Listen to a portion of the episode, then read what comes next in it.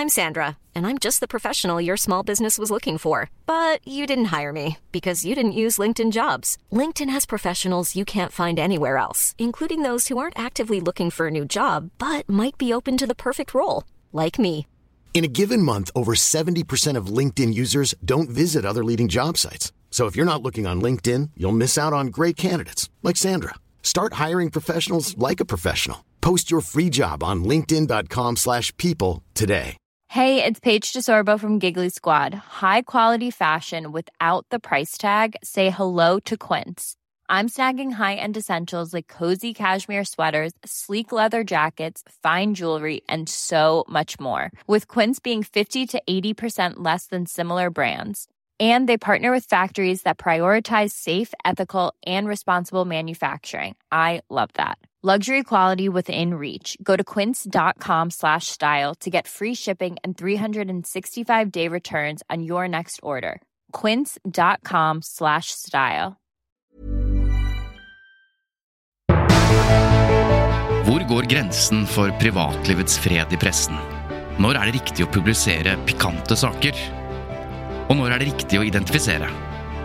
Og hvor mye må mediene anstrenge seg for å innhente samtidig imøtegåelse?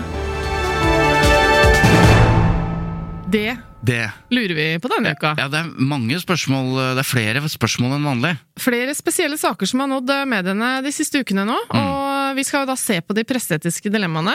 Eh, og jeg vil si eh, hurra, fordi eh, dette er jo, har jo i mange år vært min eh, hva skal jeg si, fanesak i presseetikken. Privatlivets fred. Kombinert med 414 Ja. med i samtidig imøtegåelse.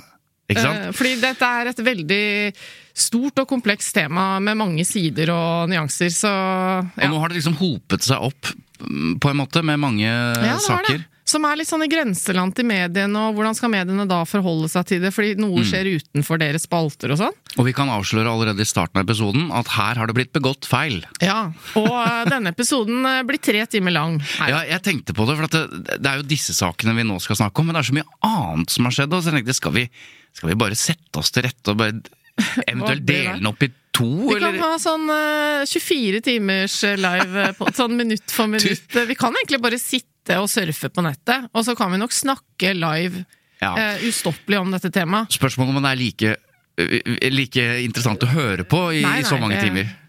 Det, mm, det er det selvfølgelig ikke. Men uh, det, det er jo noe, så, noe engang sånn at eh, veldig mange av de som er eh, objekter i medienes omtale, da, altså de vi leser om i avisa, Ja. de føler jo veldig ofte at det som står der, ikke burde stått der. Ja. Fordi de vil ikke være i avisa, på en måte. Eh, Men nå snakker vi jo da spesielt om de sakene som er litt sånn pikant av privat karakter. Ja, det er litt sånn at øh, hadde Anne Holt begynt å skrive på det, så er det sånn ja, Skriv et litt mer realistisk plott hadde gjort seg nå, Anne. For det er øh, spesielt en sak da, som vi skal snakke om etterpå, om en ikke hvem som helst, en høyesterettsdommer som har gått ut øh, med brask og blam i mediene og mener seg forgiftet Av sin av sin kone. kone. Ja. Ja. Så det er jo Ja. Og mye mer. Ja. Så, men vi må vel starte et annet sted. Hvordan går det egentlig? Nei, det er førjulstid, da. Eh, Så det går fint, men eh, merker at eh, nå blir det godt med ferie, ja. Ja, men har du tenkt på det at vi er maks uheldige med juleferien i år? Altså det er Vi, vi, vi, jobber jo mot Ja, jul og tenker at nå er det Ikke Workers Christmas, som det heter. Nei, nå er det jul. Det er én, uke, liksom, så er vi i gang igjen. Ja. Det Men, får vi bare ikke tenke så mye på. Men eh, en annen ting som jo eh, er litt spesielt, er jo det der Vi har jo snakket om at eh, fotball-VM eh, skulle vært om sommeren og kommer nå på vinteren, som ikke gir mening for oss som skal sitte på kontraskjæret og drikke øl vanligvis. Men eh, en annen ting som er problematisk med timingen, er jo at den kommer i julebordsesongen. Mm. Så det er så mange kamper. For én eh, Ja. ting var jo litt positivt, liksom at man kan rigge seg til med fyr i peisen og kose seg hjemme med fotballkamper. Absolutt. Men det er så mange jeg ikke har fått med meg fordi jeg har måttet uh, Måttet, men altså fordi jeg har hatt anledning til å være på hyggelige julesammenkomster. da. Mm. Så det blir sånn åh, irriterende også. Så Men jeg, jeg tenker på når det gjelder den derre mm, VM-debatten. Den, har jo, den fortsetter jo på et vis, men, men nå er jo ja, nå er det semifinaler, og nå er det finale snart, og nå er folk veldig, i hvert fall jeg snakker med, gira. Man ser det, man er engasjert. Eh, Det er jo helt spektakulære fotballkamper. ja, så var det så gøy at det var litt andre lag. Marokko kom langt. Ja. Og, Og så tenker jeg Jeg fikk en melding fra en bekjent i Kenya. Ja. Også som jobber en opprinnelig eh, Altså som født og oppvokst i Norge, men, men bor i Kenya. Mm. og hun sendte meg en melding eh, at, at det er litt interessant å observere dette fra med utgangspunkt kikk, eh, utkikkspunkt eh, Nairobi, da, eller Kenya. Afrika. Eh, og hun har snakket med folk i Midtøsten, og, og folk flest opplever den, denne vestlige dekningen av Qatar-VM som ganske sånn ensidig. Sånn som vi har vært opptatt av, menneskerettighetsbrudd og homofiles rettigheter og sånn, men det er, det er liksom bare det. Eh, Og vestlige journalister mener mange som hun snakker med, da, ikke har fått fram liksom, nyansene hva det mesterskapet faktisk betyr for en region. Som er bare kjent for krig og uro og terror. Det at de er, liksom, de er veldig stolte av at VM foregår i denne regionen, i Qatar. Eh, Og det da, som du nevner med Marokko, ikke sant? At, at Marokko har kommet så langt, det har jo det har jo ført til at ikke bare eh, arabere, men også afrikanere altså Det har ført dem tettere sammen, da, mener hun. Eh, fordi mange av landene har noe eh, til felles. Nemlig at de har vært under kolonimakt, for Ja. Så, så mye av dette oppleves jo eh, som en slags sånn vestlig arroganse og dobbeltmoral. Eh, fordi liksom, se tilbake på historien osv. Nå, nå har vi noe å samles om.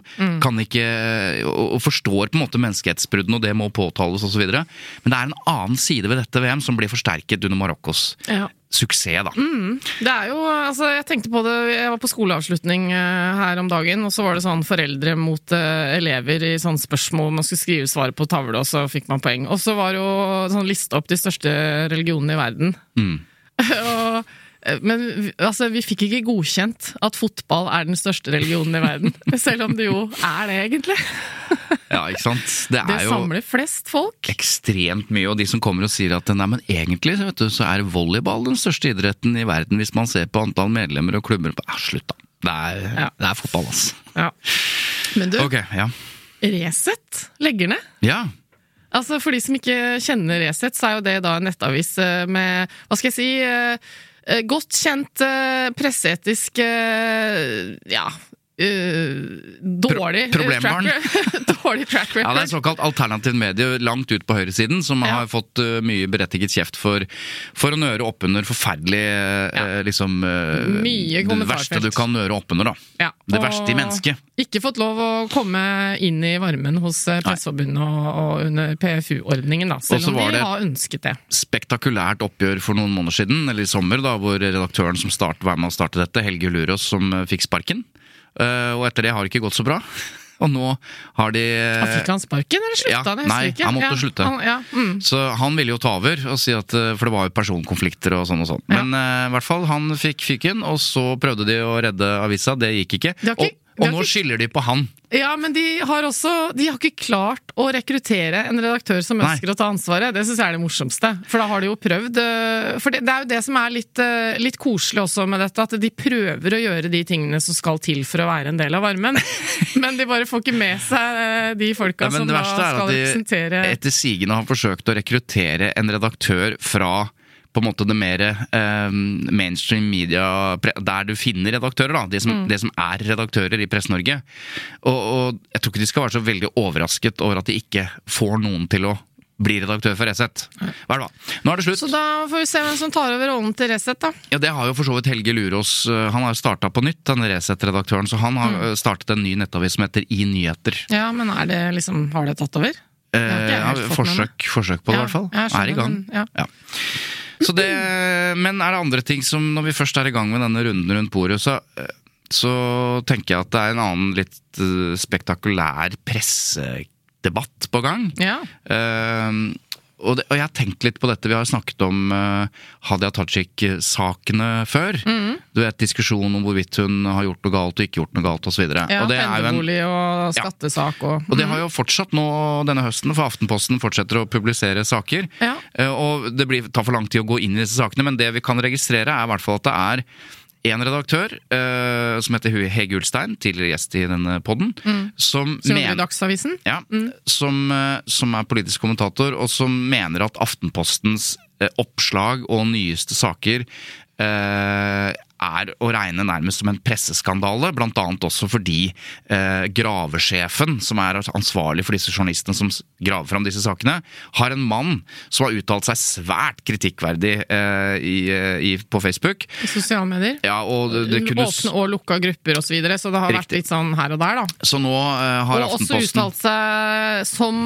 om han har informasjon gjennom sin kone som jobber i Aftenposten, og liksom hatt Ja. formuleringer som gir inntrykk av at uh, dette sier jeg fordi jeg veit mer enn det dere gjør. Hvilket jo ville vært helt skandaløst hvis uh, så var tilfellet. Ja, Men samtidig, når man eh, leser hva han har skrevet, så tenker man man ser jo for seg at sånn er det jo sikkert Ja, det er eh, hos mange. ikke sant? At du, du sitter og jobber med en sak, du, du veit at ektefellen din hjemme skjønner at uh, hvis jeg deler ting med deg nå, så Mm. er det ting som ikke kan komme ut. Men her har det vært en glipp på akkurat det. da. Men man ser jo for seg at det kan skje.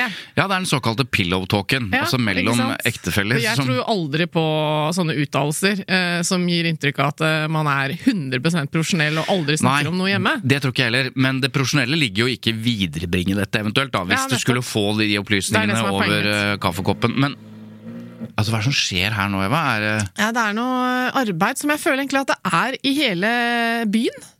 Hele tiden. det bores. Det er så mye arbeid, det og det er jo bra på en måte, men Ja, det er, landet er i fart. Ja, det er eh, Forbedringer eh, skjer, og det bygges, og det Ja. Men eh, Men litt dumt at det bygges og bores akkurat når vi spiller Ja. en podkast. så enten så må vi drive og stoppe og prate hele tiden når det kommer lyd, eller så må vi bare gi beng i det og tenke at eh, Ja, det er det får folk tåle. Det er et annet alternativ. Det er at du går opp til disse bo- boremennene og sier det, ta dere pause, da. Ja, en times tid. Det gjorde vi sist, faktisk, når det var arbeid ute her. Mm. Ja, I hvert fall så har eh, Hege Ulstein da eh, skrevet en veldig veldig kritisk kommentar, som eh, jo har avstedkommet en veldig veldig sterk og kritisk motkommentar fra ansvarlig redaktør i Aftenposten, Trine Eilertsen, som mener at hun tar fullstendig feil. Ja.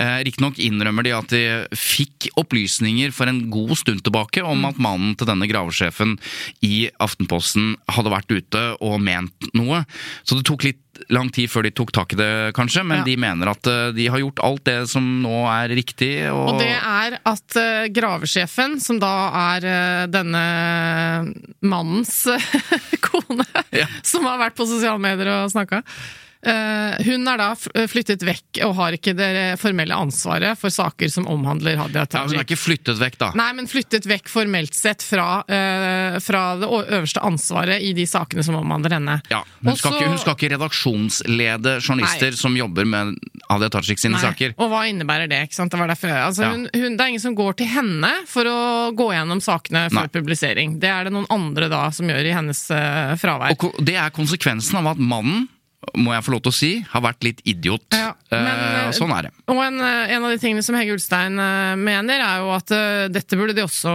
informert leserne sine om. Og det kan man diskutere, det der med at uh, hvor viktig er det at leserne skal få vite at uh, bare, bare så dere vet det, så har ikke sånn og sånn hatt altså, ja. Men hun Mm. Du- mener at det burde vært ryddig at leserne fikk informasjon, da. Ja, nå sa jeg at han har vært litt idiot. Er, tenker du at det utløser en form for tilsvar? Personkarakteristikk. Det er tilsvar, men ikke noe samtidig imøtegåelse. For det er jo ikke noe, jeg beskylder ikke noe ikke grove beskyldninger av eh, faktisk svar. Nei, jeg mener at det, Må tåle det. I denne verden, sånn som den har blitt. Ja, og så sa jeg litt idiot. Men jeg mener at du burde holde deg for god for å snakke sånn om folk, da. Ja. Da vil jeg beklage at jeg kalte han litt idiot. Eh, Da vil jeg da uh... Litt uh, uprofesjonell var han. Svært ubetenksom. Ja. Ja. Greit, Men du- da har vi Ja. Eh, det er jo høysesong for eh, sånn terningkast tre romantiske komedier nå. ja. Har du fått tid til å se på noen julefilmer? Jeg har ikke det ennå, må jeg innrømme, men jeg, det ligger jo noen klassikere og venter, da. Hva er favoritten din? Nei, Det tør jeg nesten ikke å si, altså. Jo da, kom igjen nå. Du må være deg sjøl, Svein Tore. Du trenger ikke å være så opptatt av at alt, alt du sier skal være så riktig hele tiden. Bare si hva som får deg glad i jula. Kan være en dårlig film. The Holiday. Ja, men jeg er enig! Det er ikke noe å være flau over det. Jeg er kjempestolt av det. Det er min favoritt. Er det Den er jo helt nydelig. Ja, den er faktisk det. Også, Ja, Alle sier jo Love Actually, føler jeg, men, Ja. og det er jo en morsom film, men eh, det er et eller annet med den The Holiday som er så nydelig. Det er jo den der hvor eh, Cameron Diaz og Kate Winslet og Jude Law Det er jo tre herlige mennesker som man bare har lyst til å sitte og se på, for alle er så pene og fine og som uh, de to damene bytter hus. Ja. LA, uh, et nydelig sted i England, som er sånn cottage eh, julestemning. Uh, I sånn som det var før i tida, at man kunne faktisk swap houses. Da. Ja, ja. Eh, det fins jo fortsatt, men nå har liksom Airbnb tatt litt over den greia. Enig. Men i hvert fall, de bytter eh, hus. Og så blir det noe kjærlighetsgreier der, da. Ja, det Men, men det som er, jeg så den faktisk eh, liggende på senga med sønnen min på et hotellrom eh, for ikke så lenge siden eh, da vi var i England. Men, eh, eh, og så rett etterpå så leste jeg flere steder i sosiale medier, men riktignok publisert av redaksjonelle medier, Mm. eh, at eh, det kommer en oppfølger. Av The Holiday? Ja! Og jeg ble jo kjempeglad! Ja. Og det ga inntrykk av at eh, det, liksom, de tre skulle være med, og manuset blir kjempebra og sånn. Altså, nå gjenner ikke jeg det som står, bare dette var mitt inntrykk. Og så, Først så jeg det publisert av KK, og så er det liksom TV 2 Nyheter har vært innom saken, og TV 2 Underholdning. altså det er Flere steder har jeg sett det. Men så plutselig kom det en avkreftelse av eh, at dette stemte visst ikke. Eh, det var noen som hadde skrevet altså de, de refererer jo da til at dette har stått i andre medier. Ja. Også redaksjonelle medier i andre Ja. land. Men det var tull. Og så er det feil. Eh, og så Det morsomste, syns jeg, er at eh, når det da viste seg å være feil, så ble en eller annen tittel endret, da, og dette er tilfeldigvis på TV 2 Nyheter. Mm. Eh, og så saken eh, Altså, først så sto det 'avis', kolon.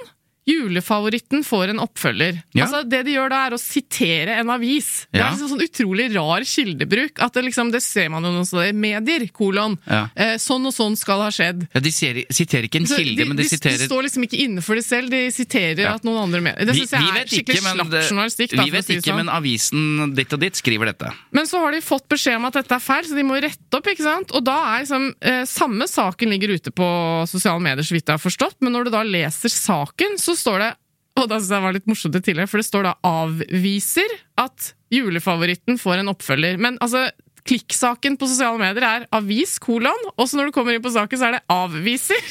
Så vi har laget Men altså, eh, litt, litt poenget Ja. mitt her er at eh, sant, aviser, eh, medier, er veldig opptatt av å formidle til eh, publikum og verden at eh, de er troverdige kilder. De er noe annet enn det som foregår på sosiale medier.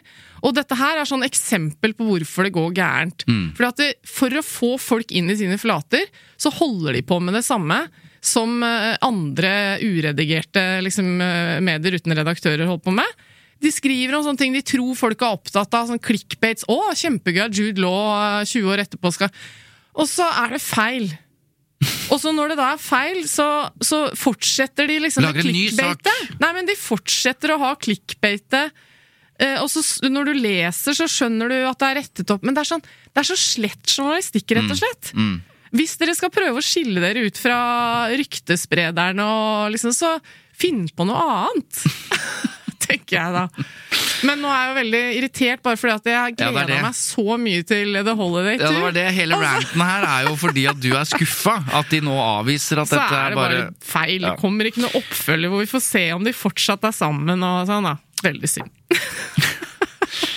Men før vi går i gang igjen, altså nå vet jeg at det blir en lang eh, runde her, men det er eh, Baneheia-saken går jo for Ja, retten nå. ja, ja. ja. Eh, Herregud, jeg har tenkt på deg eh, som har engasjert deg så mye i denne saken. Men, øh, Men jeg har jo tatt en pause, eller da Riksadvokaten Var det 17. oktober, eller var det Ja, i hvert fall i oktober, da. Mm. Gikk ut på den ja, helt historiske pressekonferansen eh, og fortalte om, øh, om at de hadde tatt feil. Mm. Eh, At påtalemyndigheten har tatt feil, at Viggo Kristiansen eh, må frikjennes og, og så videre. øh, Og med beklagelse og sånn, så, så la jeg på en måte saken litt bort. øh, Og så går den nå for retten. Ja. Eh, og det som er så helt sånn nesten surrealistisk, eh, i hvert fall for meg, og for sikkert flere som har jobbet med saken i mange år, er at nå står påtalemyndigheten, eller aktoratet, i retten og argumentere for at han eh, ikke har gjort det.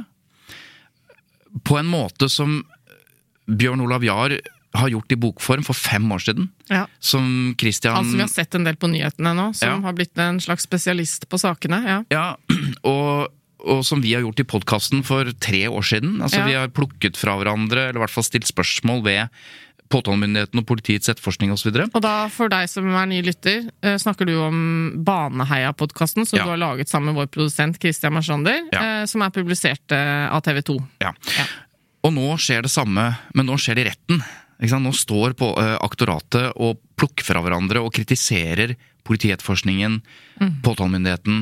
Eh, og nå sitter alle og nikker.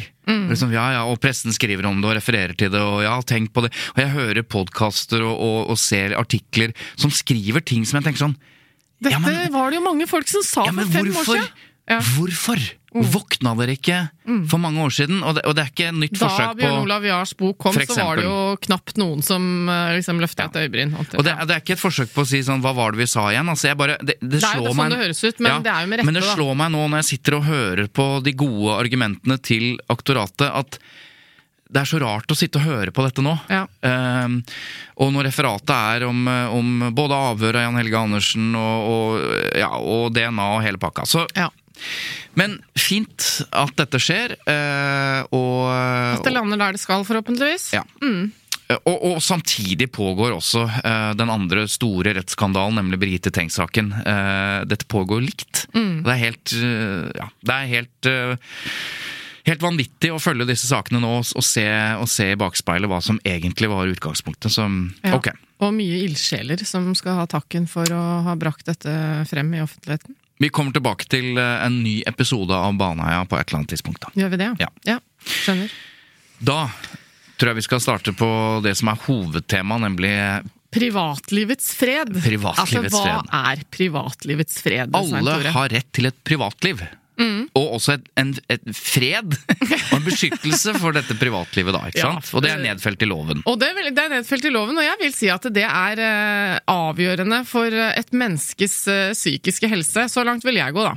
Det er at, avgjørende for demokratiet, for, for samfunnet skal fungere, på en Man skal ha muligheten til å leve sitt liv uh, uten at uh, alt man gjør uh, blir liksom kikket gjennom en kameralinse og, og liksom eksponert for hele verden. Og dette er nedfelt i Grunnloven, til og med. Ja, men det som er vanskelig, er jo at det, eh, sånn som verden har blitt nå og Det har for så vidt alltid vært aspekter av det, men nå har det blitt veldig mye mer vanlig at vi, eh, vi har skjøvet på den grensen, og vi er vant til å komme mye lenger inn Mm. i folks privatliv.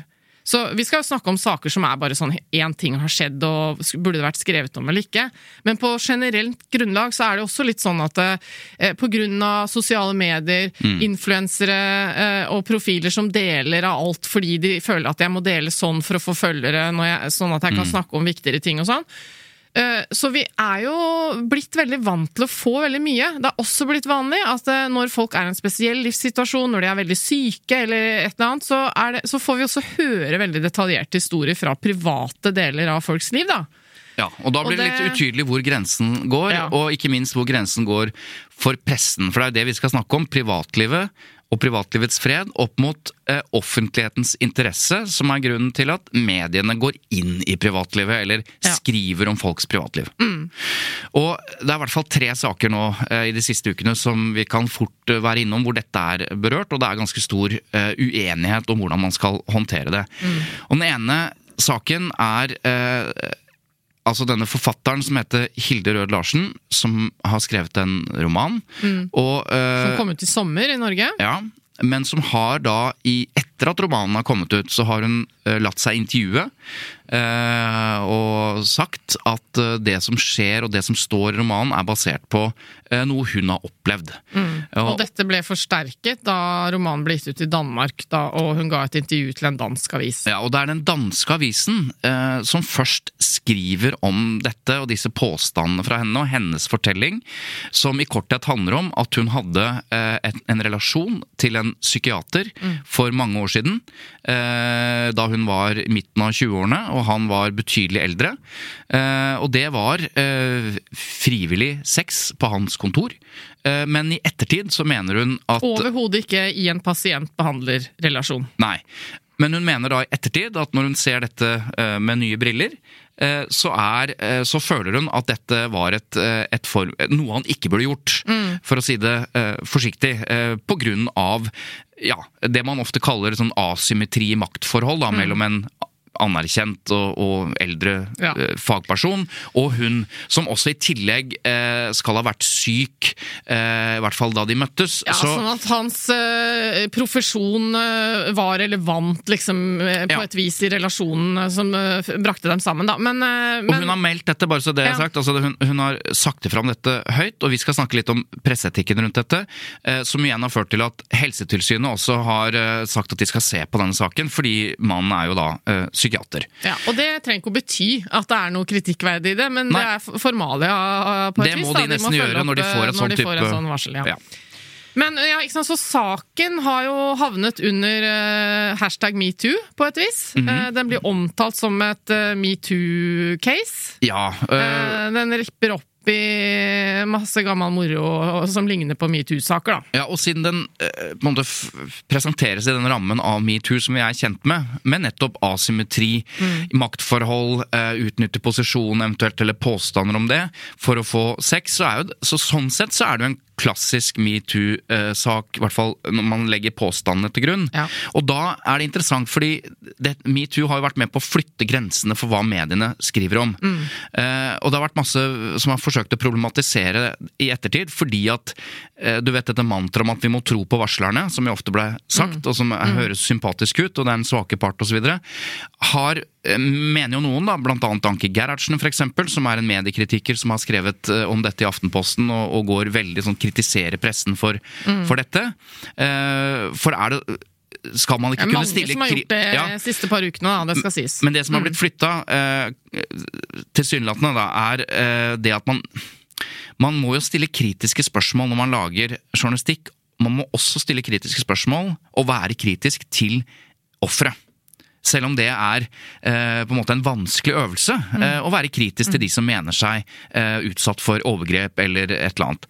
Men det må man fortsatt gjøre, og, og denne saken, sånn som jeg opplever det, handler jo om i hvor stor grad skal man fortelle denne saken basert på den ene kilden, altså hun. Eh, og hvor mye må man gjøre for å innhente andre opplysninger, eller for, liksom, sjekke fakta i saken? Og hvor langt skal man gå for å innhente uh, tilsvar eller samtidig imøtegåelse? Det har vært litt av saken her.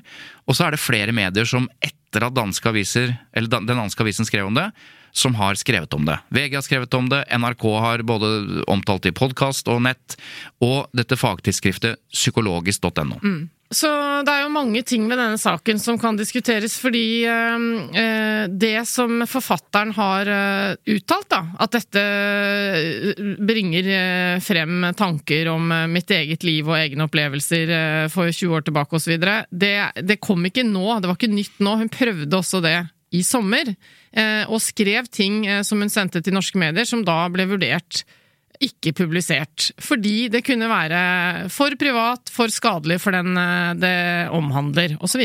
Altså, Det var flere norske medier som visste om hennes påstander mm. og hennes uh, historie, men som valgte å ikke skrive om det før den danske avisen fikk jo også avvist uh, en kronikk i Morgenbladet, forfatteren, som Ja, senere si- har blitt uh, publisert. Ja, men forklaringen til Morgenbladet er rett og slett at eh, de ikke Det er ikke det at den ble avvist, men han ble rett og slett ikke plukket opp. Ja, Det er jo Ja, det er i hvert fall forklaringen, da. Men, Men, ja. men vi to har snakket litt om dette og ikke vært helt enige nødvendigvis, Mm. fordi um, jeg er litt sånn allergisk mot sånn uh, resonnement som er at ja, men nå er det et annet medie i et annet land som har skrevet om det, og da har det skjedd noe nytt i saken som gjør at da må vi omtale at det er omtalt et Mm. annet sted. Jeg skjønner uh, argumentet for at det kan være et nyhetskriterium. Eh, Men jeg er ikke nødvendigvis enig i at det endrer presseetikken. Ikke? Fordi det er noe annet at noen skriver om noe som omhandler mennesker eh, som er mer ukjente i Danmark, enn at det bringes inn i norske spalter eh, og får en mye større Ja. skadeeffekt fordi det omhandler. Da. Um, Så du mener at VG, eksempel, som jo da skrev denne saken om henne etter danskeavisen hadde publisert det, ikke burde gjort det? Det Mm. Jeg det mener at presseetikken eh, ikke forandrer seg, så man må ta det samme hensynet til den som eh, er skadelidende, eh, Mm. som jo i stor grad er psykiateren. For det som skjer da i en sånn sak, er jo at det, Og dette ligner jo veldig på barnevernssaker, pasientkritikk til sykehus, arbeidskonflikter, alle situasjoner der det tilsynelatende er en sterk og en svak part, eller et offer eller en varsler, som du sier, ikke sant? Eh, Eh, Hvor, eh, hvor man har ytringsfrihet. Det er veldig bra at folk går ut og kritiserer ting som har skjedd, og dårlig behandling av sånn og sånn. Men Eh, ofte så er det jo sånn at den såkalt sterke parten, da, liksom sykehuset eller barnevernet eller arbeidsgiver? Eller mannen med makt. ja, Mm. ikke kan svare, fordi sånn er jo reglene eh, ofte eh, i mediene. At det, tar seg ikke ut hvis du nå går og sier Altså, nå som, eh, nå som dette har kommet fram, så må jeg nesten få lov å si at det, det hun sier og han sier, det er ikke sant. Så Man har ikke lyst til å imøtegå et offers påstander i offentligheten. Så ofte så ender man jo opp med å, med å liksom bare heve seg litt over det, eller ikke svare. Det er én ting. Ehm, og så er det jo sånn at uh, mediene uh, gjør jo jobben sin i dette tilfellet fordi de prøver å få uh, den omtalte psykiateren i tale. Og så er det veldig lett å forstå at i starten så ønsker jo ikke nødvendigvis et sånt menneske å uttale seg, fordi at man er anonymisert. Saken er jo ikke Det er jo ikke kjent hvem dette handler om. Nei, det er i Eh, hvert fall ikke skrevet om hvem det handler Det er ikke identifisert, nei. Ja, det er feil, å si, feil å si at det ikke er kjent, kanskje, men Ja. Og ofte når man kommer i en sånn situasjon, ønsker du å svare på disse, denne kritikken, så ønsker man jo så lenge som mulig å ikke gjøre det, fordi man føler at det, hvis jeg nå svarer, så bidrar jeg til å Ja. legitimere er veldig eh, saken, eh, at saken omtales. Man håper at, man ikke skal, at det ikke skal skrives om, og så vil man ikke kommentere det, fordi ja. Ja, for jeg tror ganske mange ganger så er det sånn at medier har en sak som er litt sånn edgy, eh, og så med en gang man får svar fra den andre siden, så er det en god grunn til å publisere. Hvis man ikke får det, så, Ja. så er det mer vanskelig. Men bare til poenget ditt. altså Vi har vært litt uenige, for jeg mener jo, eh, som du antyder, at hvis en stor dansk avis skriver om eh, en sånn eh, sak om en norsk forfatter som har skrevet en bok og nå går ut og sier at dette er basert på virkeligheten, og det rammer en eh, anerkjent norsk eh, psykiater, så er det et nyhets... Eh, altså Det i seg selv er en nyhet, den omtalen, så de må forholde seg til den nyheten. Så er jeg enig at presseetikken ikke endrer seg av den grunn, men jeg mener at det gjør at du må gjøre en ny vurdering, fordi at dette er nå ute. eh, Det omtales, altså Det er kjent. Altså, Men det er jo ikke kjent for det store norske publikummet bare fordi at eh, det Nei. står en dansk avis. Nei, men det står ganske raskt også i psykologisk.no, så dette her Ja, men det er jo en norsk avis, og da blir Jo. det noe annet. Ja, men nå snakker jeg om, om en VG må jo ta litt andre hensyn enn f.eks. psykologisk.no, for det er kanskje ikke presseetisk, men de vet at når VG skriver om det, så blir det større. Men jeg mener at når en dansk avis gjør det, så må du gjøre en ny vurdering. Ja, Du kan ikke late som skjønner, dette ikke foregår. Jeg, Ja. Mitt poeng er bare at presseetikken endrer seg ikke, sånn at det, det er det samme dilemma som oppstår. Det har skjedd noe, det er noen anklager som er interessant å omtale. Det er også offentlig interessant uh, Mm. på den måten at folk har lyst til å høre om det og sånn. Men man vet jo ikke nok om hvor sant det er, så skadepotensialet for den det uh, handler om, er jo like stort. Ja, ja. Selv om det jeg, er liksom blitt skrevet om. Problemet med denne saken er jo at eh, det er en veldig alvorlig anklage, som er av veldig privat karakter. Mm. Og så er det litt sånn avhengig av hva man mener, da. ikke sant? Var dette bare en helt privat greie som ingen har noe å gjøre med? Fordi at det, hadde ikke noe med en eh, en behandler og en pasient. Dette var bare et forhold. Det har jo alle hatt på 80-tallet, på en måte. Litt sånn. Eh, eller er det liksom en sånn sak som man da, når det ble omtalt i mediene, fikk veldig inntrykk av, nemlig at dette er etisk, medisinsk gærent. Eh, Jeg og- skjønner det, men tilbake igjen til Jeg er enig om presseetikken ikke endrer seg. Jeg sier at det må gjøres en ny vurdering. Og så må, må de følge presseetikken hvis vurderingen nå er at de ønsker å publisere noe på denne saken. For det er også viktig å understreke at informasjonen som kommer fram i den danske avisen, informasjonen som kommer inn i psykologisk.no, er én ting. Veldig detaljert. Veldig eh, Ikke sant? Eh, VG eh, velger én variant. Basert på egne vurderinger og presseetiske vurderinger. Hvor mye kan vi skrive? Hvor mye skal vi anonymisere? Hvor mye av den historien hun forteller, skal vi publisere? De velger da en annen eh, variant. Altså De velger å publisere mye mindre enn det både NRK og Psykologisk gjør. Dette er litt vanskelig, for at Men, du leser jo alle disse sakene i sum. etterlatt inntrykk i, i, etter den første, de første sakene som ble publisert i Norge, er jo at eh, her har det skjedd et overgrep. Eh, og det har skjedd eh, i en pasient-behandler-situasjon. Ja, Ja, det er mulig at du... Det er ganske tydelig etterlatt inntrykk i starten. Ja, Jeg er ikke enig i at det er et tydelig etterlatt inntrykk, fordi det står veldig tydelig at det ikke er en Ja, pasient-legerelasjon. sitert på ting som er ganske Ja, hun blir sitert på ting som gir inntrykk av at det er litt uh... Ja, men, men det vet jo du at presseetikken kan ikke ta hensyn til uh, hva folk eh, får med seg og ikke får med seg. De må jo ta hensyn til hva som står i artikkelen. Ja, men eh, det står jo sitater som hvis Altså, Ja. ja. det står sitater hvor, hun, eh, eller hvor han omtales som psykiater, og hun omtales som syk. Så den koblingen vil noen gjøre, det er jeg enig i. mediet må ta ansvar for hvilket etterlatt inntrykk artikkelen skaper. Ja, de må ta ansvar for det, Ja. men de må primært ta ansvar for det som står der. Ja, ja. Ja. Og der står det ikke at det, Det var er en jo pas- det som står der, som skaper det etterlatte inntrykket. Ok, Men vi har i hvert fall kommet dit at denne saken her eh, er litt omtalt av eh, mediene. Og så er det et stort poeng, og vi var inne på det innledningsvis. Hvor langt skal man gå Mm. for å få samtidig imøtegåelse? Eller korreksjoner, eller få en annen variant av den historien? For det fins jo åpenbart to, eh, to eh, varianter av den historien. Ja. Hennes og hans. Ja. Hans har vi ikke fått, for han vil ikke uttale seg. Og da må mediene gjøre en vurdering på det. Eh, og her fikk jo annet eh, VG kritikk for av Anki Gerhardsen, som skrev en kronikk om dette, eller en kommentar eh, i Aftenposten, at det ikke var noe synlig eh, tegn på at de hadde innhentet, eh, eller forsøkt å innhente hans eh, vurdering. Det har alle medier som har skrevet ja, Mm. det har alle medier som har skrevet om denne saken, definitivt forsøkt på. Mm. Det vet vi. Men det, må, det er jo fint at den tydeliggjøres for leseren i artikkelen også. At ja, det er forsøkt. Og det er én ting, og det andre er at eh, det er jo liksom I presseetikken så er det sånn veldig ofte at eh, hvis vi har prøvd, så er det nok. Ikke sant? Vi har gjort jobben vår, vi har eh, tatt kontakt med sånn og sånn, og den personen har valgt å ikke svare. Og så står det, og så er det greit. Men det er ikke alltid det er nok heller. Nei. Eh, Det som er vanskelig for en redaksjon, er jo at eh, hvis en person ønsker å stoppe en sak, så kan det være et virkemiddel man prøver seg på, nemlig 'jeg ønsker ikke å kommentere denne saken', og håper da at den ikke blir noe av. Eh, Men i noen saker så er jo det det som er vanskelig. Og jeg personlig, eh, i motsetning til deg, mener at det argumentet burde veid tyngre i dette Ja. tilfellet. da. Og det respekterer jeg, og, og jeg har ikke gått inn i Jeg kjenner jo ikke kildene til VG. For det er jo ikke sånn at selv om det er en sak hvor det er hovedsakelig én kilde som fører ordet, så betyr, betyr jo ikke det at det ikke har vært andre kilder. Eh, det betyr bare at de har gjort en vurdering. Eh, og det Jo, men, Det er sånn presseredaktørspråk. Vi har gjort en vurdering. ja, men det, Ja. Må, det Ja. må de gjøre. Ja. Men uansett. Denne saken er jo ikke ferdig, sikkert. Nei. Eh, vi vet ikke hva som eh, skjer. Men eh, så dukker det opp en annen sak. Ja. Som ikke er eh, lik, men som er vel så dramatisk og pikant, og som handler om privatlivets fred Ja. og tilsvar, og hva skal man publisere. ja. It's that time of the year. Your vacation is coming up.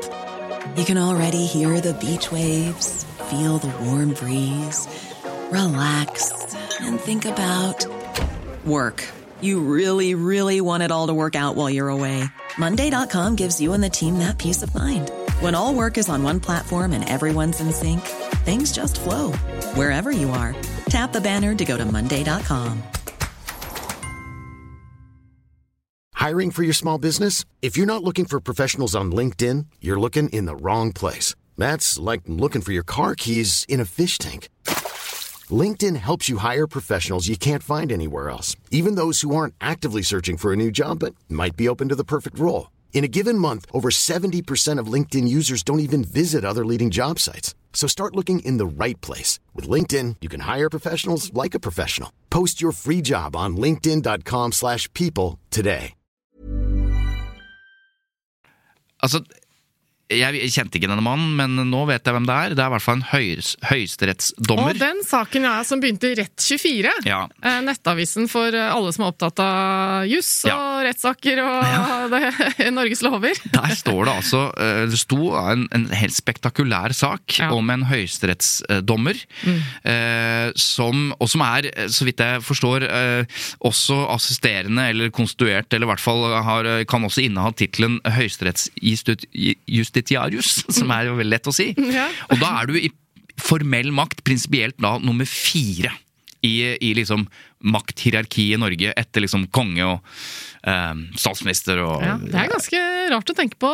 Når det, er, det er ofte folk som ikke vi vet hvem er. Ja, Altså Hvis ikke vi er spesielt interessert. Men det handler jo om maktfordelingsprinsippet. ikke sant? At det har den, eh, Ja. den, for, den, den formelle makten, men også den dømmende og utøvende og lovgivende makt osv. Der Mm. er høyesterettsjustitiarius, som han visstnok da er eh, ja, hva er det? konstituert eller vikar for, eller assisterende.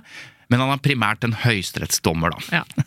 Saken er i hvert fall at i Rett24, eh, for eh, ja, det som begynner å bli godt over en uke siden, tror jeg, så kunne vi lese at dette mennesket da eh, var skrevet ut fra sykehuset og hadde fått beskjed om at eh, Nei, altså, vi har funnet spor av gift i kroppen din. Eller er bedøvende midler, vært- eller hva det var, ja. Det er derfor du har vært dårlig, og nå som det, dette er ute av din kropp, så antar vi at du føler deg bedre, eh, kort fortalt.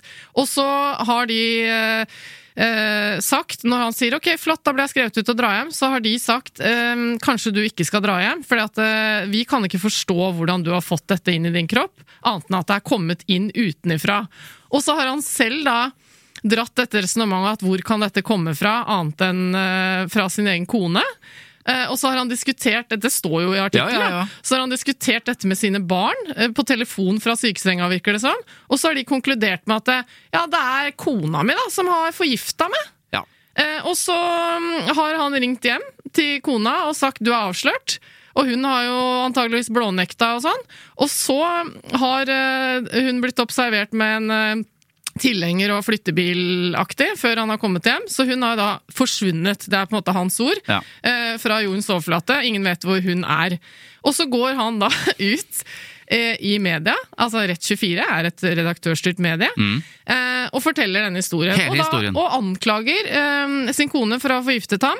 Eh, og eh, gjør det uten å si sånn 'dette er min teori'. Det er sånn 'dette har skjedd', hun har forgiftet meg, hun har forsvunnet eh, fra jordens overflate. Stikke av, basically. Um, Rømt. så sånn er det. Ja. Og så er Men- det sånn, det som er morsomt, er at jeg så denne saken igjen da, gjennom sosiale medier der saker blir publisert, og så var det eh, en som stilte spørsmål til redaktøren eh, Kolsrud i Rett24. Kjetil Kolsrud, som er redaktør. Ja. Um, Jøss, for en sak, liksom. Det, hvorfor er det ikke flere? Dette burde jo vært på alle store aviser. aviser. Det er jo helt uh, superinteressant. Mm. Og så svarer han litt sånn nei, det kan jo ikke jeg svare for, men jeg antar at det er fordi at kilden, da, han høyesterettsdommeren, ikke har lyst til å snakke med flere medier. Så han hadde jo på en måte et skup. Ja, det var eksklusivitet rundt dette, Ja. og det har vært kjent i juristmiljøer at, disse, at dette har vært eh, liksom en sak, men, eh, men den landa da i Rett 24. Ja, og det er fint, for det er jo veldig relevant i Rett24 osv. Men Men jeg må bare understreke, når du sier at legene sier til denne mannen at Ja. det er bedøvende dette vet, dette vet vi bare fra hans fortelling, da. ja, ja, ja, vi ja. har ikke, Dette er gjengitt i ikke- artikkelen. Legene har ikke uttalt seg om det. Det er, betyr ikke at det ikke er sant, bare understreke at det er han som forteller hele tiden, og det er én kilde i denne saken. Det er det. Her det er er, problemet, eh, som er litt likt med den forrige saken vi krangla litt om.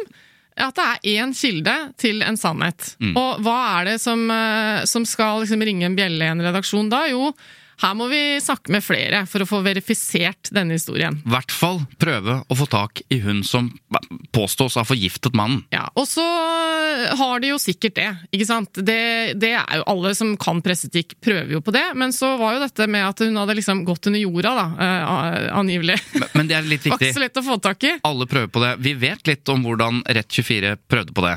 Ja. Fordi han har jo blitt eh, stilt en del kritiske spørsmål av Fagbladet Journalisten, blant annet. Ja. Liksom, mm, fordi jeg har stilt kritiske spørsmål rundt både publiseringen og om han har gjort nok for å få tak i denne dama. Mm. Og det var ikke så mye. Det var en messengermelding og, og en telefon som ikke var uh, på. Og det var det. Eh, og dette blir jo litt spesielt uh, når dama plutselig dukker opp i VG. Ja, De har fått tak i henne. ja etter, etter hvert. Ja, Men det var flere medier da, som, det må sies, flere medier som, Som prøvde. omtalte denne saken før hun hadde uttalt seg. ja. Og Eh. politiet uttalte seg i form av at eh, ja, eh, dette har vi nå blitt gjort oppmerksomme på, og satt i gang etterforskning. ja. eh, Undersøkelser. Undersøkelser. Det er ingen, ingen mistenkte i saken. Nei, ikke sant. Så dette er også en sånn ting at eh, med en gang noen formelle instanser, myndigheter, eh, følger opp en sak, så er det også en ting som mediene kan omtale. Mm. Eh, Men det også skaper et inntrykk av veldig fort da, at eh, ja, dette er jo noe. Fordi at politiet er på sakene, helsemyndighetene har tatt eh, varsel, etterforsket? Så Det er veldig mange ting som man kan skrive om at foregår i en sak, uten at det nødvendigvis forandrer en, en veldig svak påstand i starten, da, for det må jo undersøkes. Det må undersøkes, og uh, så skal det sånn sies at uh, når uh, Norges største avis kommer på banen, Mm. så er det med henne. Som jo aldri var eh, i den opprinnelige saken. Så det var mulig å få tak i henne.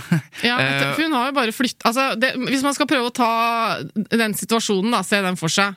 Eh, Dette mennesket som er gift med høyesterettsdommeren, som tilfeldigvis er fra Ukraina, eh, og, og veldig mye yngre. Blir, eh, blir anklaget av sin mann og hans familie for å ha forgifta han. Eh, da er det jo forståelig at du pakker snippsekken og stikker. Så det, det trenger jo ikke bety at du liksom er avslørt og, Og flykter. Og flykter. Nei, for Hun flyktet ikke lenger enn til VGs spalter, da, hvor hun da sier at uh, dette er helt feil, og jeg er helt sjokkert, og, eller jeg husker ikke hva hun sier, men hun er i hvert fall oppbrakt over både påstandene Ja. og at påstandene er publisert.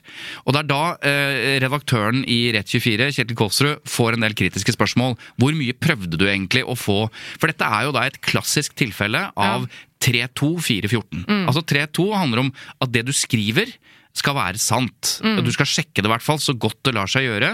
Eh, og det holder ikke på en måte at en sier det, sånn at du bare siterer noen. Du har ansvaret for også eh, å sjekke det som blir sagt av en kilde.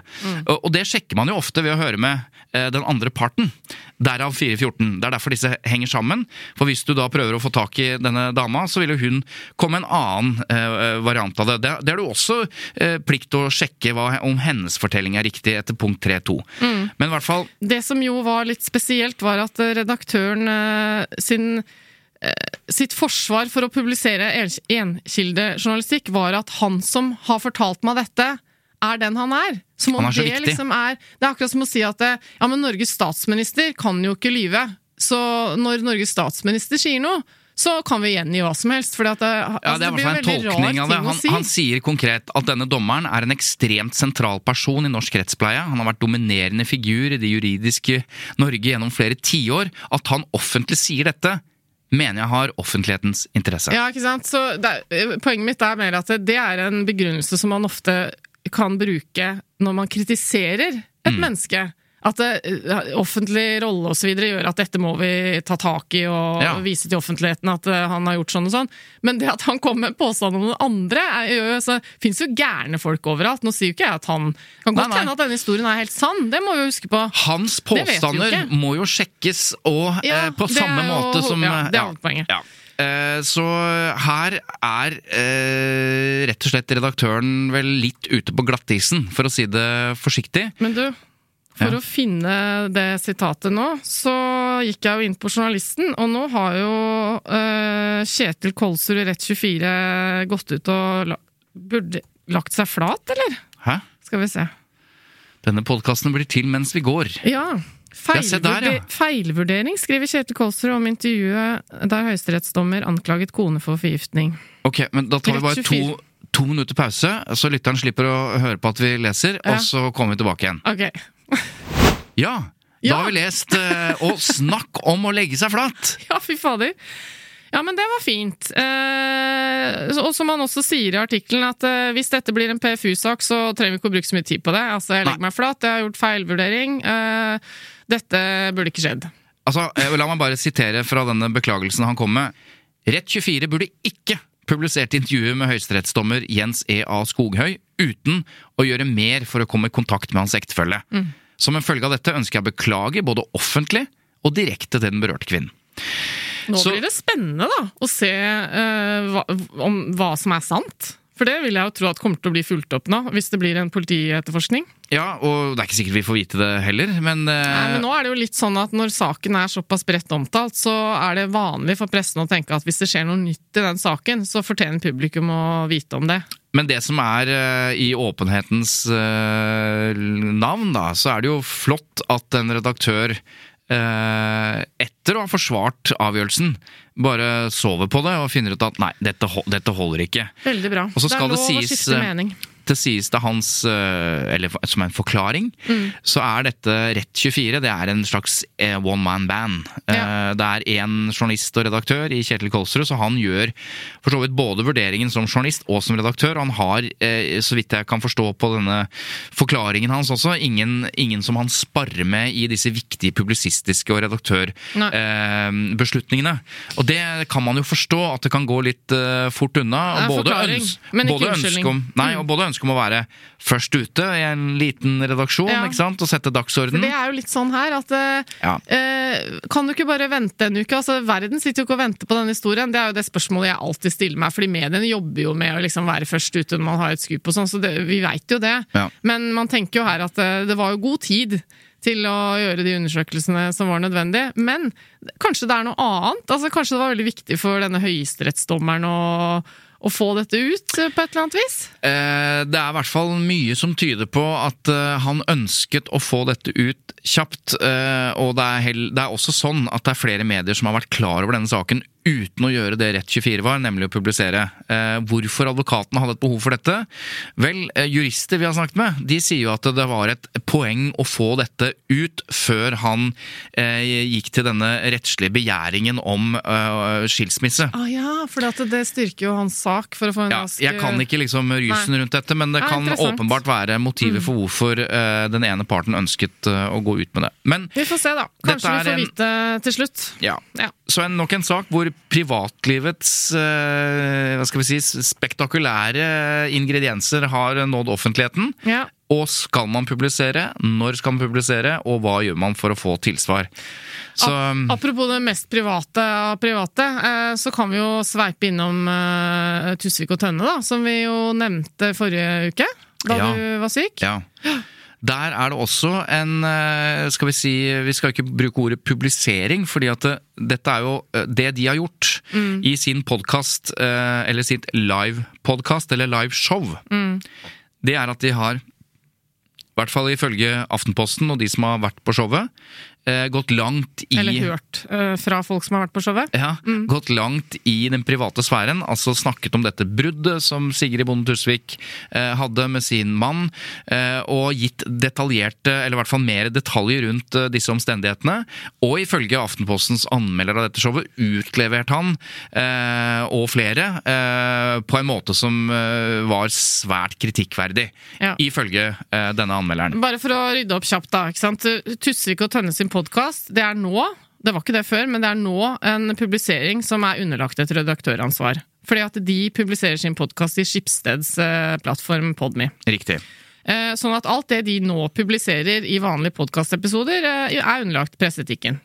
Eh, Men så forandrer jo det seg litt når de har en livepodkast hvor det ikke tas opp en episode som skal publiseres på eteren, men som bare er et arrangement. Og de kaller det ikke livepodkast heller. Det er bare liveshow. det er tiårsjubileum eller et eller annet. Så da snakker vi overhodet ikke om eh, redaktørstyrte medier og presseetikk. Da snakker vi egentlig om bare hva er lov å si om andre folk eh, av privat karakter. Innenfor injurielovgivningen, for ja, på et arrangement som er Og der er sakens kjerne.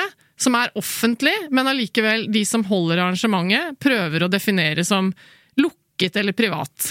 Ja, For det- det de gjør før showet, når de reklamerer for det i sosiale medier osv., er å si at eh, det er presse- og referatforbud og bildeforbud, og liksom ingen får lov å ta opp. ikke sant? De sier fra før showet eh, foregår at uh, dette er, skjer i dette rommet, og vi vil ikke at det skal skrives om eller omtales noe annet sted. Og, og det som jeg sa i forrige uke, det må du gjerne si. Ja. Eh, Det står jo alle fritt til å ønske og mene og ha ja, ja, liksom Jeg kan forstå det veldig godt. ja, ja, jeg kan forstå det menneske.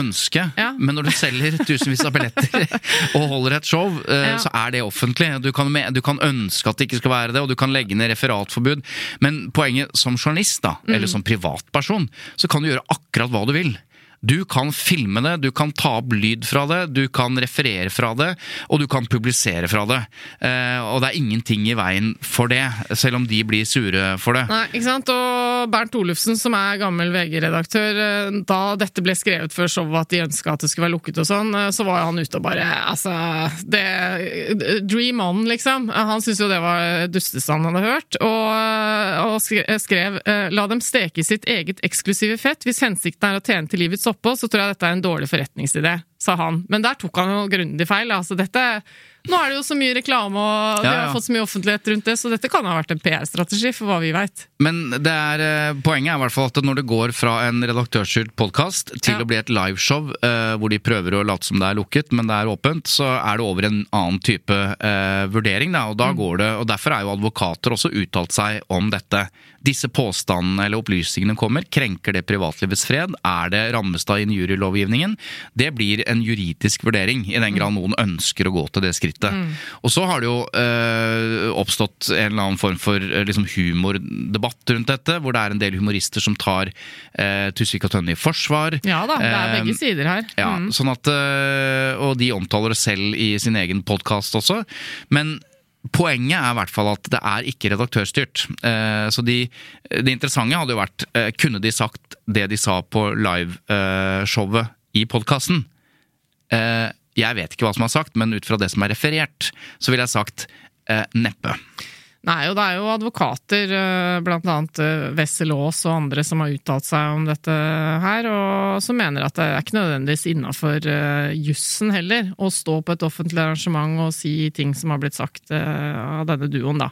Men, eh, men det som egentlig er grunnen til at vi snakker om det, er jo at det, det igjen eh, det er sammenlignbart med denne romanen som foregår utenfor pressens spalter, og et liveshow som også gjør det, eh, så blir problemet for eh, journalister og redaktører hva er det vi, eh, med det ansvaret vi skal ta, mm. nå kan omtale av det som faktisk har skjedd der ute i virkeligheten, og som står i en roman, eller som foregår på et show med tusenvis av publikummere, eller hundrevis i hvert fall. Eh, skal vi da liksom måtte legge bånd på oss? Eh, Skal, kan ikke vi bare snakke om det som skjer? For det er jo det mediene gjør. Det er, så, det er vanskelig her, for det, det foregår. Det er ikke sånn at de har gravd fram noe privat greier. Det er jo publisert og offentliggjort et annet sted, bare Ja. ikke i medias spalter. Men fordi at uh, alvorlighetsgraden eller påstandene eller de private karakterene her er uh, nettopp det, så privat, så når vi, når vi får det gjengitt, så får vi heller ikke gjengitt hva som er sagt, og hvem og hvordan, og Nei, for, fordi, fordi, fordi Ja. det kan ikke pressen gjøre. Det ville jo vært å bare videreformidle liksom disse påstandene. Mm. Så, så vi vet jo egentlig heller ikke hva vi diskuterer. Hvor alvorlig var det? Vi må bare stole på at noen som var der, sier at eh, dette her var så alvorlig at vi så på hverandre og tenkte dette skjer ikke, liksom. Dette er svært kritikkverdig. Mens andre, nei, nei. Forteller sin personlige historie og, Mm. og var til og med skånsom, er det noen som sier. Kunne vært mye verre. Det vet vi ikke. Det vet bare de som var på showet. Og sånn sett så må du jo gå på showet, da. Men uh, Tusvik og Tønne da, det skal i hvert fall ha for at de er vaskeekte feminister og flinke til å få ting som egentlig foregår uh, blant masse folk, uh, ut. eh, de snakker om sine privatliv og deler av vanskelige ting og sånn. Skal de ha for det, eller skal de ha litt skryt for at de Ja, det er mange som skriver etter Av fungfolket, da. Ja. Som er det de kaller publikummet sitt. Som elsker det. At når jeg hører på dem, når de forteller om det som er vanskelig i livet sitt, så hjelper det meg. altså, vi må Ja, absolutt, og det tror jeg på. Ja. Uh, og det er til og med noen som har De har sitert Deilig en som, var, som har fått beskjed, tror jeg, fra legen sin om at uh, de, denne podkasten har åpenbart positiv effekt på din helse. Ja. Du får få den på blå resept.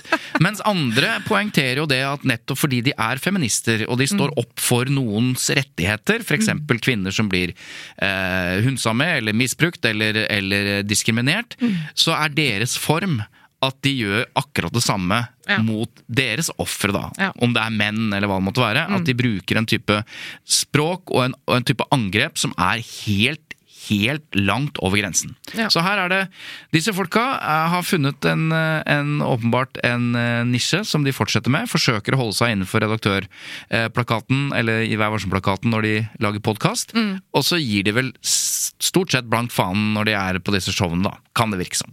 Kan liksom. Kan virke som. Dette vet vi ikke nok om. Vi var ikke der. Vi var ikke Ok. Jeg har Ja. lyst til å nevne én siste sak. Ja. Uh, nettopp i dette feltet med hva skal man skrive, hva skal man publisere, eh, og skal man identifisere. Fordi nå har det kommet en, eller for en, en uke eller halvannen siden, så kom det en NRK Brennpunkt-dokumentar om at det foregår sexsalg på massasjeinstitutter Ja, rundt omkring i Norge. Eh, og Endelig kom det en sak om det alle veit. Ja, det kan du si. Fordi uh, dette er vel ikke Det er en dårlig skjult hemmelighet. Ja. Uh, og så har de da laget en sak med utgangspunkt i at liksom de er på de svakes side. Altså hva betyr dette for disse kvinnene, f.eks. Mm. Problemet er at det har fått en sånn voldsom backlash for de som er mest opptatt av disse kvinnene. Type Kirkens Bymisjon og organisasjoner som, som, eh, er, eh, som er opptatt av eh, kvinnenes rettigheter og kvinnenes ve og vel. De angriper nå Brennpunkt-dokumentaren voldsomt. Fordi Riktignok har de anonymisert eller sladdet disse kvinnene, men de har ikke sladdet de stedene de jobber på. Det er fullt mulig å se alle disse massasjeinstituttene. Eh, og det mener Det, da da er det jo ja, i hvert fall så mener, så mener Kirkens Bymisjon, som har sendt ut en, en pressemelding blant annet på dette, at uh, dette setter jo damene i fare. Ja. Fordi at uh, Nei, de er ikke identifisert, men arbeidsplassen deres er det. Ja. Uh, og det er flere som har vært ute og kritisert NRK for, for dette. Og det er igjen et, liksom et etisk dilemma, et presseetisk dilemma. Hva er konsekvensene av at vi tar opp dette problemet? Og hvordan publiserer vi, og hvordan eh, sensurerer vi, eller, Ja. eller sladder vi? Og jeg kan forstå Det er litt rart, egentlig. Det er, altså, det er veldig ofte at man uh, går og ringer på døra til noen som skal kritiseres, og når man lager eh, TV-reportasjer osv., så, videre, og så gjør man jo veldig mye for å anonymisere dette huset, eller liksom Ja. inngangspartiet Her er det ikke gjort bedriften og noe sånn. forsøk på å identifisere eller, Ja, det eller anonymisere fikk ikke jeg med meg første gang jeg så Dagsrevyen-oppslaget, men det er jo altså da De som er kunder der, skjønner jo fort hvem det er snakk om, ja. Ja, Mm. og, og poenget her er liksom hvem er det dette rammer? Eh, fordi kvinnene som selger sex, de gjør jo ikke noe ulovlig. Nei, det er ikke ulovlig å selge sex i Norge. Men det er ulovlig å kjøpe sex, og Mm. det er ulovlig å tilrettelegge for sex. Det betyr at de som eier disse eh, massasjeinstituttene, som Mm. også kan være en kvinne eh, som jobber der, eh, hun kan jo selvfølgelig eh, stå til ansvar eh, og må stå til rette for hallikparagrafen f.eks. Mm. Så det, er jo et, det, er jo en, det, foregår noe her som åpenbart ikke eh, skal foregå. Mm. Men hvem er, som er, hvem er det du på en måte gjør dette for? Mm. Og hvem er det som blir skadelidende etter en sånn type dokumentar? Så det er i hvert fall, dette kommer til å fortsette. Den er jeg sikker på kommer til å havne eller bli gjenstand for en dypere presseetisk vurdering. Men jeg nevner den i hvert fall, for det er litt den samme sjanger. Mm. Altså hva skal man publisere, og hvordan skal man identifisere? Og det er veldig privat, da, for det handler jo om sex. Ja, det handler om eh, absolutt, og det handler jo om deres liv og dere som Ja, eh, Ja, så det, det, her, er det, her er det mange ting. Ok, men da har vi vært gjennom eh, mange saker, og Det har vi. klokka går. Klokka går. Det er snart jul. Ja, det er snart jul, Vi men, må hvis, ut i snøværet. men blir det episoder i jula? Det blir eh, episode da fredagen før julaften. Det er jo da lille julaften. Yes, Tut og Eh. mediekjør på lille julaften. Ja, Og så er planen at det blir episode på lille nyttårsaften. Yes. Så vi, den som venter, får se. Ja. Eh, Planen er sånn, og så vet vi jo aldri, som vi pleier å si. Vi kan ikke garantere for noe som helst. Altså, ting skjer i livene våre og i verden for øvrig. Det, det gjør det. Og, Men det er med gjester begge gangene. Oi, vi har gjester. Ja, ja, ja. Så det er bare å glede seg. Da gjenstår det vel strengt tatt bare å si eh, at Lyder Produksjoner produserer denne podkasten. At du heter Svein Tore Bergestuen. Og du heter Eva Sandum. Det gjør jeg. Mm. Så flott da, gitt. Så, så flott det er, gitt! God eh, adventstid da, dere. Ja, For nå er det fjerde søndag i advent eh, rent, rett rundt hjørnet. Pust med magen. Husk at de julegavene kan være like hyggelige hvis du bare kjøper et kort, skriver noe fint og lover noe. Altså, jeg skal ta deg med på dette, eller en skitur, eller en kinotur, eller vi skal sammen eh, gjøre sånn og sånn. Eh, Men du trenger ikke å stikke på storsenteret og svette deg gjennom Nei. alle disse butikkene. Og for dere som har barn, kjøp litt mindre plast, da. Altså Og det har skjedd noe med det der med å gi penger, som jeg egentlig ikke liker det heller. Det er jo det folk vil ha. I hvert fall barn. Hvert fall tenåringer. Eller du kan kjøpe sånn abonnement på altså en ny greie på det spillet de spiller. Det er mye som ikke er plast, men som uh, folk vil ha. Det viktigste er at vi er Opplevelser, folkens. sammen i jula, Ja. tar vare på hverandre. Spise masse fett og deilig mat. Ja. Ja. Jeg vil ikke, det, er, det er vel ikke så mat. viktig, kanskje, men det er Det også hører med. Det, ok. Da Det er som svigerfaren min pleier å si, det er ikke hva du spiser den ene dagen i året. Det er det du spiser 364 andre dager i året som teller, så kos deg i dag, du, pleier han å si. Ja. Ok, men eh, da Ja, er det slutt. da er det slutt. Ha det. Ha det!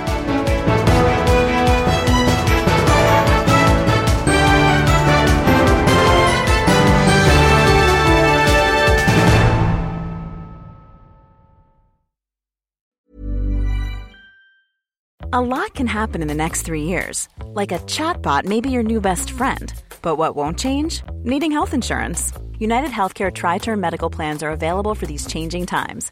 Underwritten by Golden Rule Insurance Company, they offer budget friendly, flexible coverage for people who are in between jobs or missed open enrollment. The plans last nearly three years in some states, with access to a nationwide network of doctors and hospitals. So, for whatever tomorrow brings, United Healthcare Tri Term Medical Plans may be for you. Learn more at uh1.com. Even when we're on a budget, we still deserve nice things. Quince is a place to scoop up stunning high end goods for 50 to 80% less than similar brands. They have buttery soft cashmere sweaters starting at $50, luxurious Italian leather bags, and so much more. Plus, Quince only works with factories that use safe, ethical, and responsible manufacturing. Get the high-end goods you'll love without the high price tag with Quince. Go to quince.com/style for free shipping and 365-day returns.